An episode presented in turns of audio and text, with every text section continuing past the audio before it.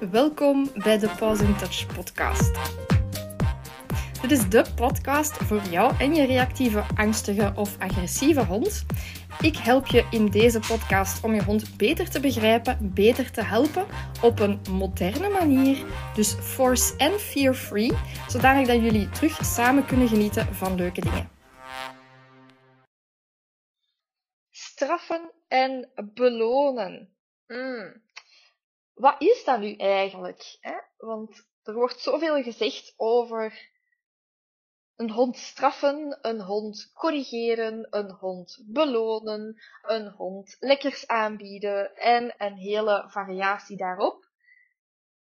En jammer genoeg, in de praktijk moeten wij vaststellen dat die definities, zoals dat ik ze hanteer en een heleboel andere collega's ook, en zoals dat ze eigenlijk wetenschappelijk gezien beschreven zijn in de leerprincipes, niet gekend zijn.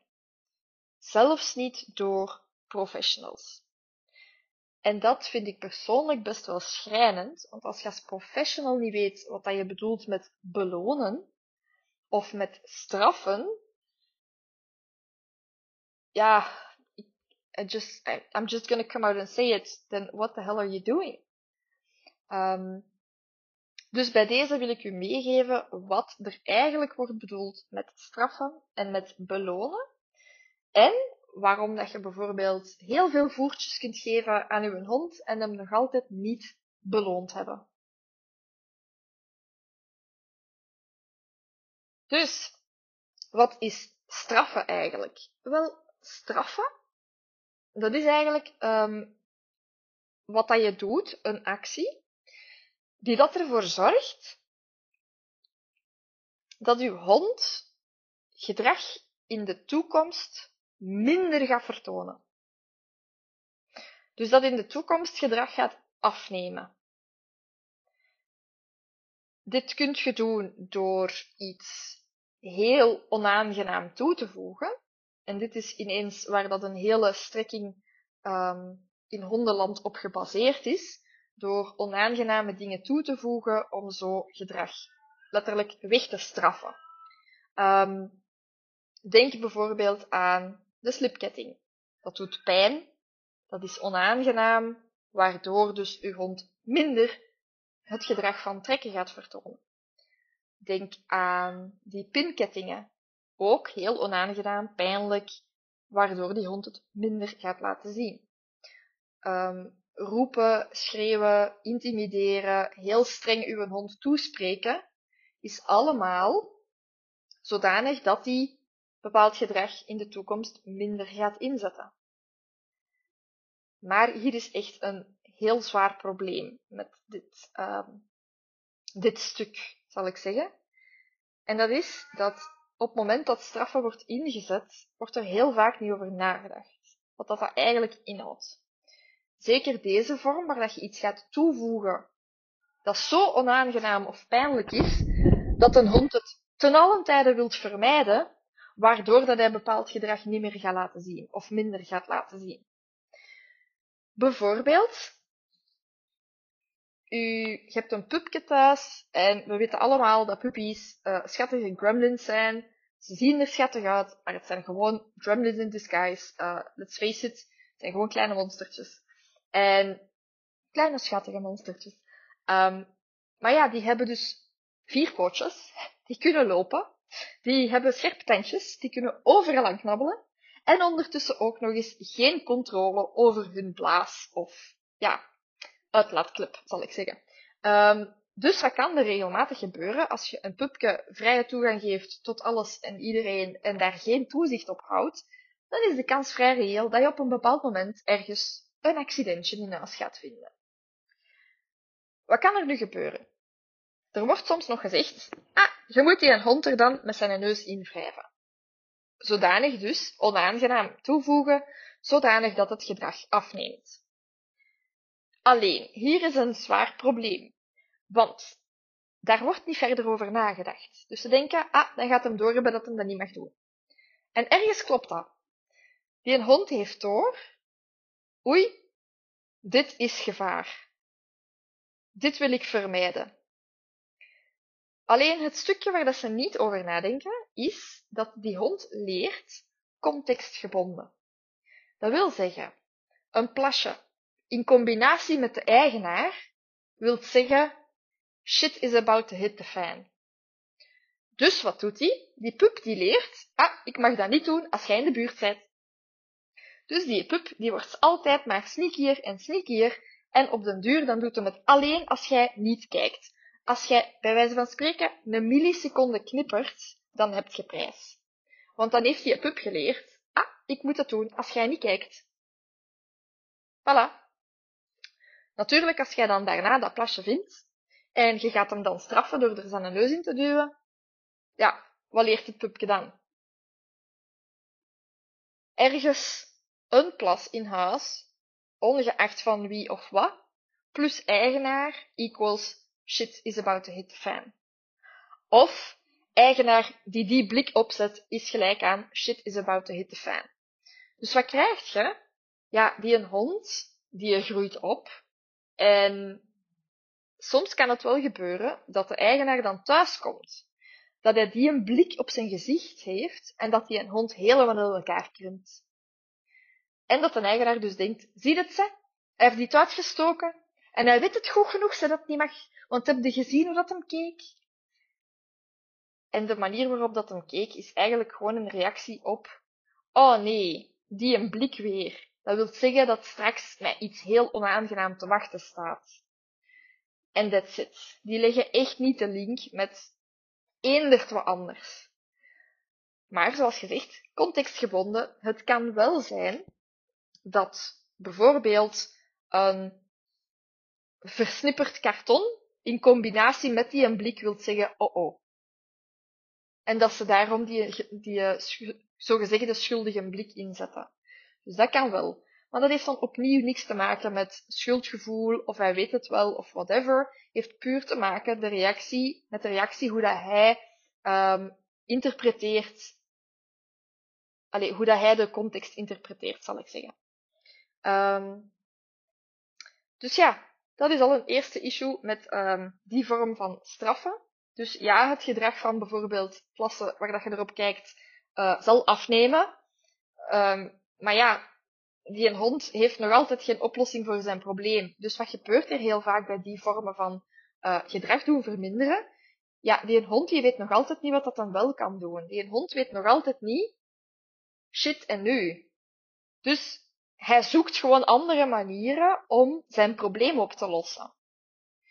En die manier die kan wel eens erger zijn dan de eerste manier. Dus bijvoorbeeld een pupje dat ergens in huis rondloopt en waar dat je erop zit te kijken een plasje doet, dan kun je nog ingrijpen.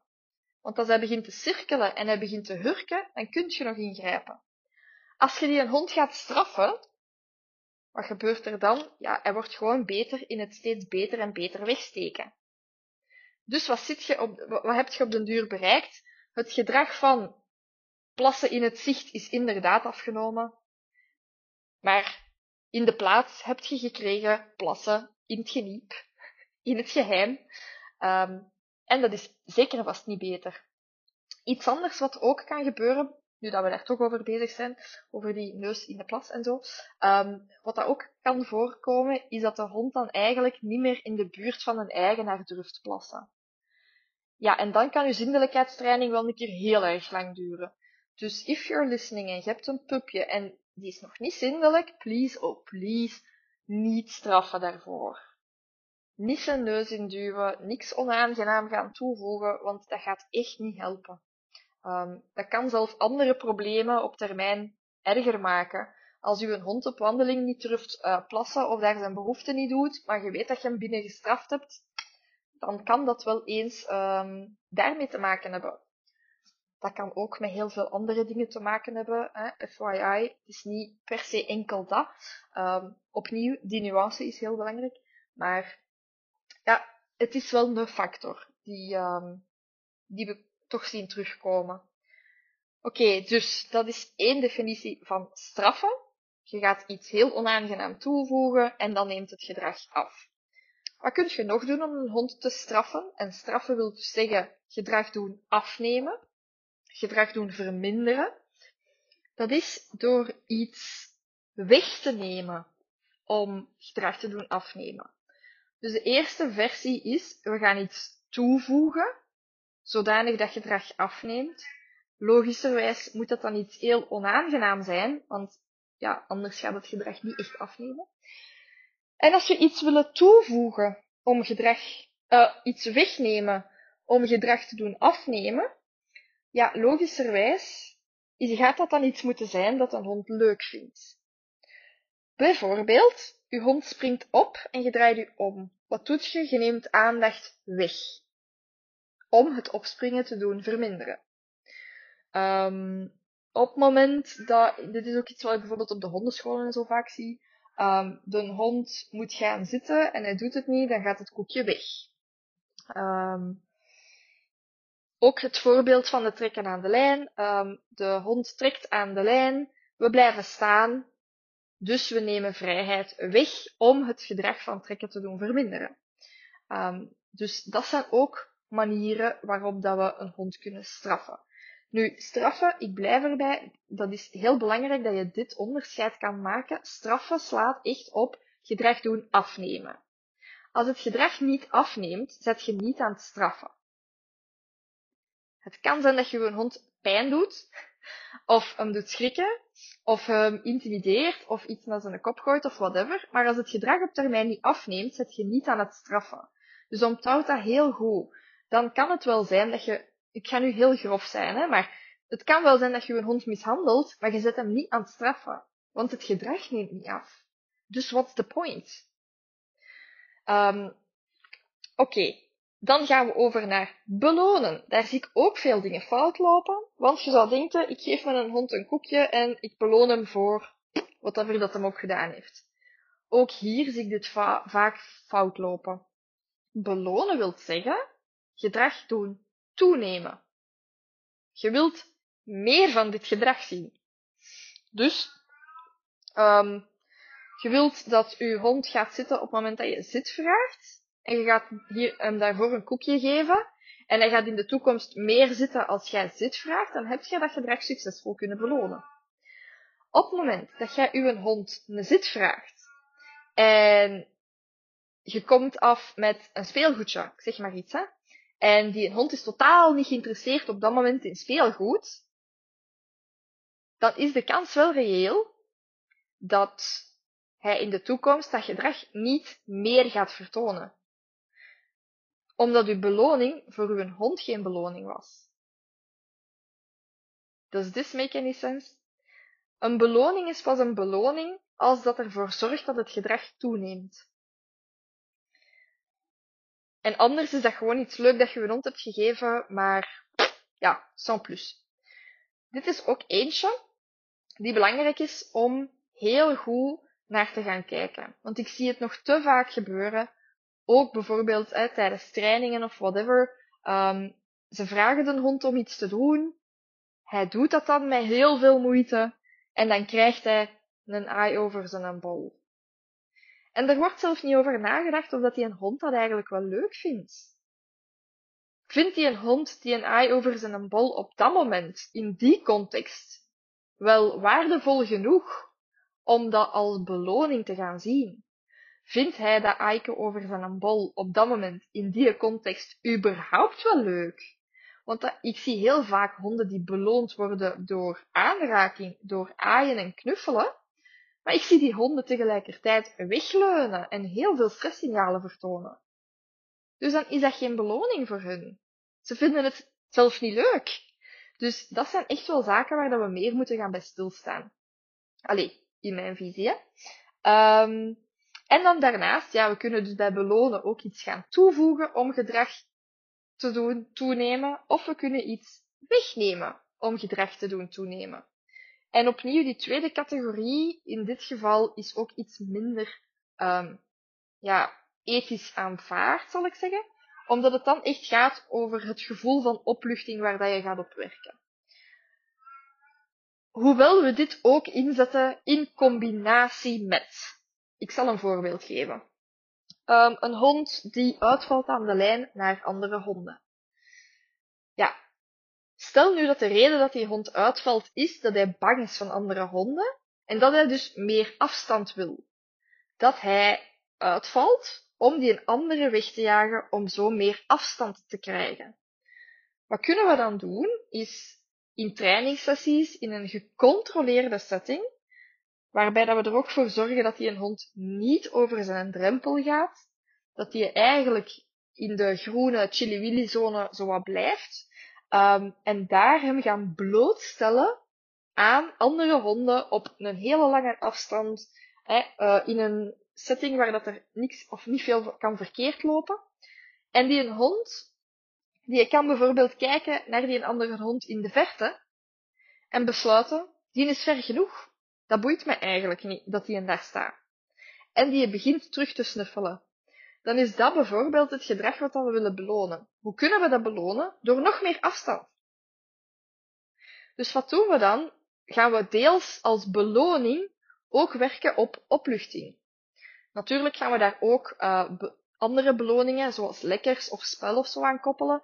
Um, maar dat is een vorm waar dat opluchting soms wel wordt ingezet.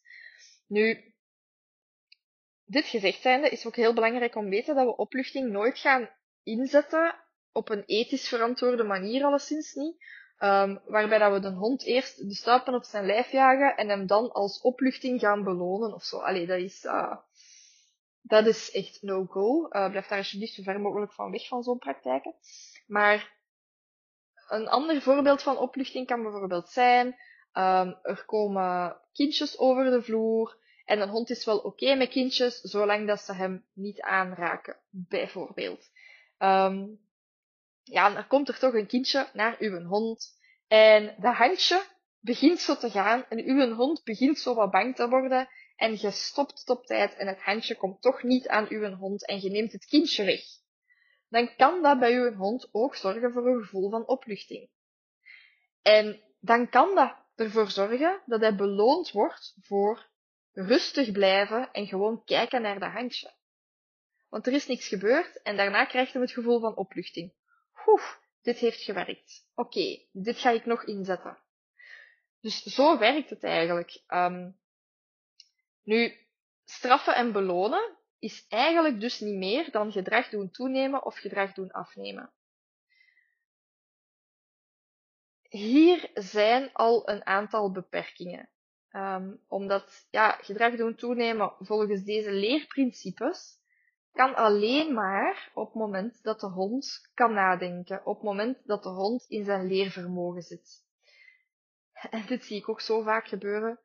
Mensen proberen een hond te trainen, te belonen of te straffen op het moment dat hij op overlevingsreacties aan het gaan is. Please let it go, want dat gaat nooit werken. En als het werkt, moet je eigenlijk serieus de vraag stellen, oei, waarom heeft dit gewerkt? Oh oh. Persoonlijk ga ik ook nooit met positief straffen werken.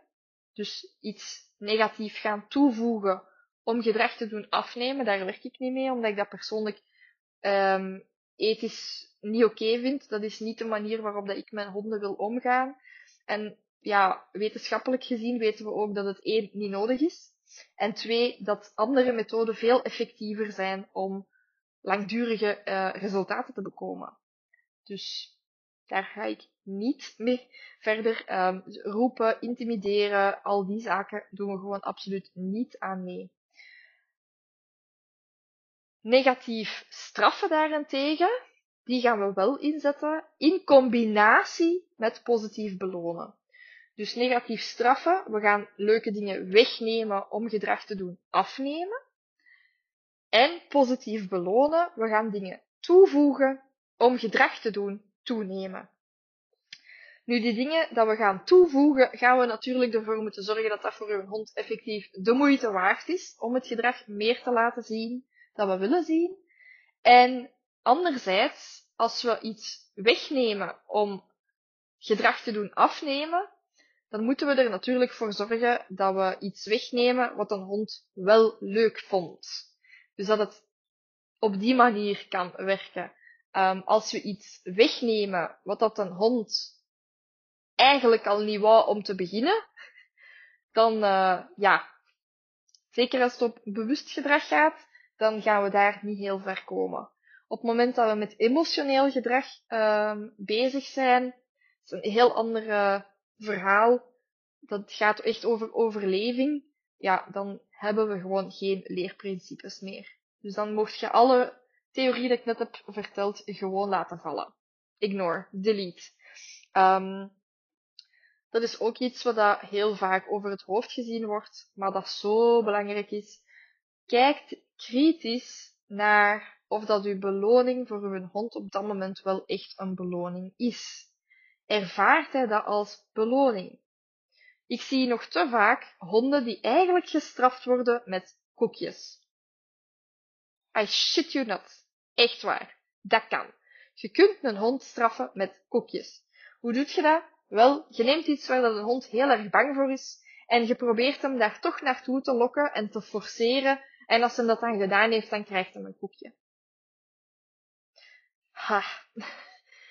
Ja, dat is natuurlijk niet hoe dat we honden dingen willen aanleren. Hè. Um, in het beste geval wordt hem niet bang. In het beste geval werkt het ook om die een drempel wat te verlagen. In het ergste geval, ja, is hij nog banger geworden omdat hij over zijn grenzen is gegaan. Dus dat is wel belangrijk om dat onderscheid ook mee te nemen.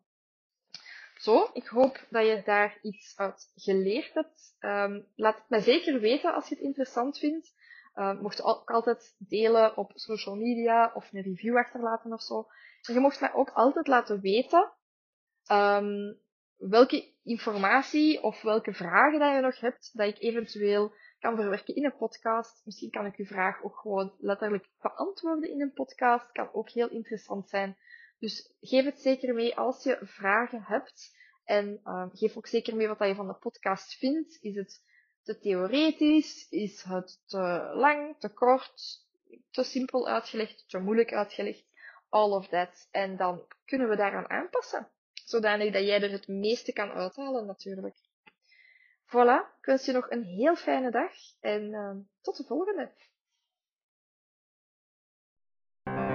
Dat was het voor deze week. Deel deze podcast op uw social media stories en tag me hier ook in. Ik vind het super om te zien waar en wanneer dat je aan het luisteren bent. Wil je graag iets nalezen over hetgeen wat ik hier heb verteld? Op mijn website kan je een blogartikel en een samenvatting vinden van deze aflevering. De link daarnaartoe kan je in deze beschrijving ook vinden natuurlijk ook steeds via Instagram, Facebook of TikTok of zelfs mijn website laten weten wat je van de aflevering vindt. Op social media ben ik te vinden onder Pause in Touch en op mijn website www.pausintouch.be. Beide zijn natuurlijk ook gelinkt in de beschrijving onder deze podcast. Je kan ook andere hondenouders helpen om deze podcast te vinden door een review achter te laten. Zo help je ook mee honden te helpen op een moderne en liefdevolle manier by spreading the word. Dan zie ik je nu heel graag volgende week voor een nieuwe aflevering.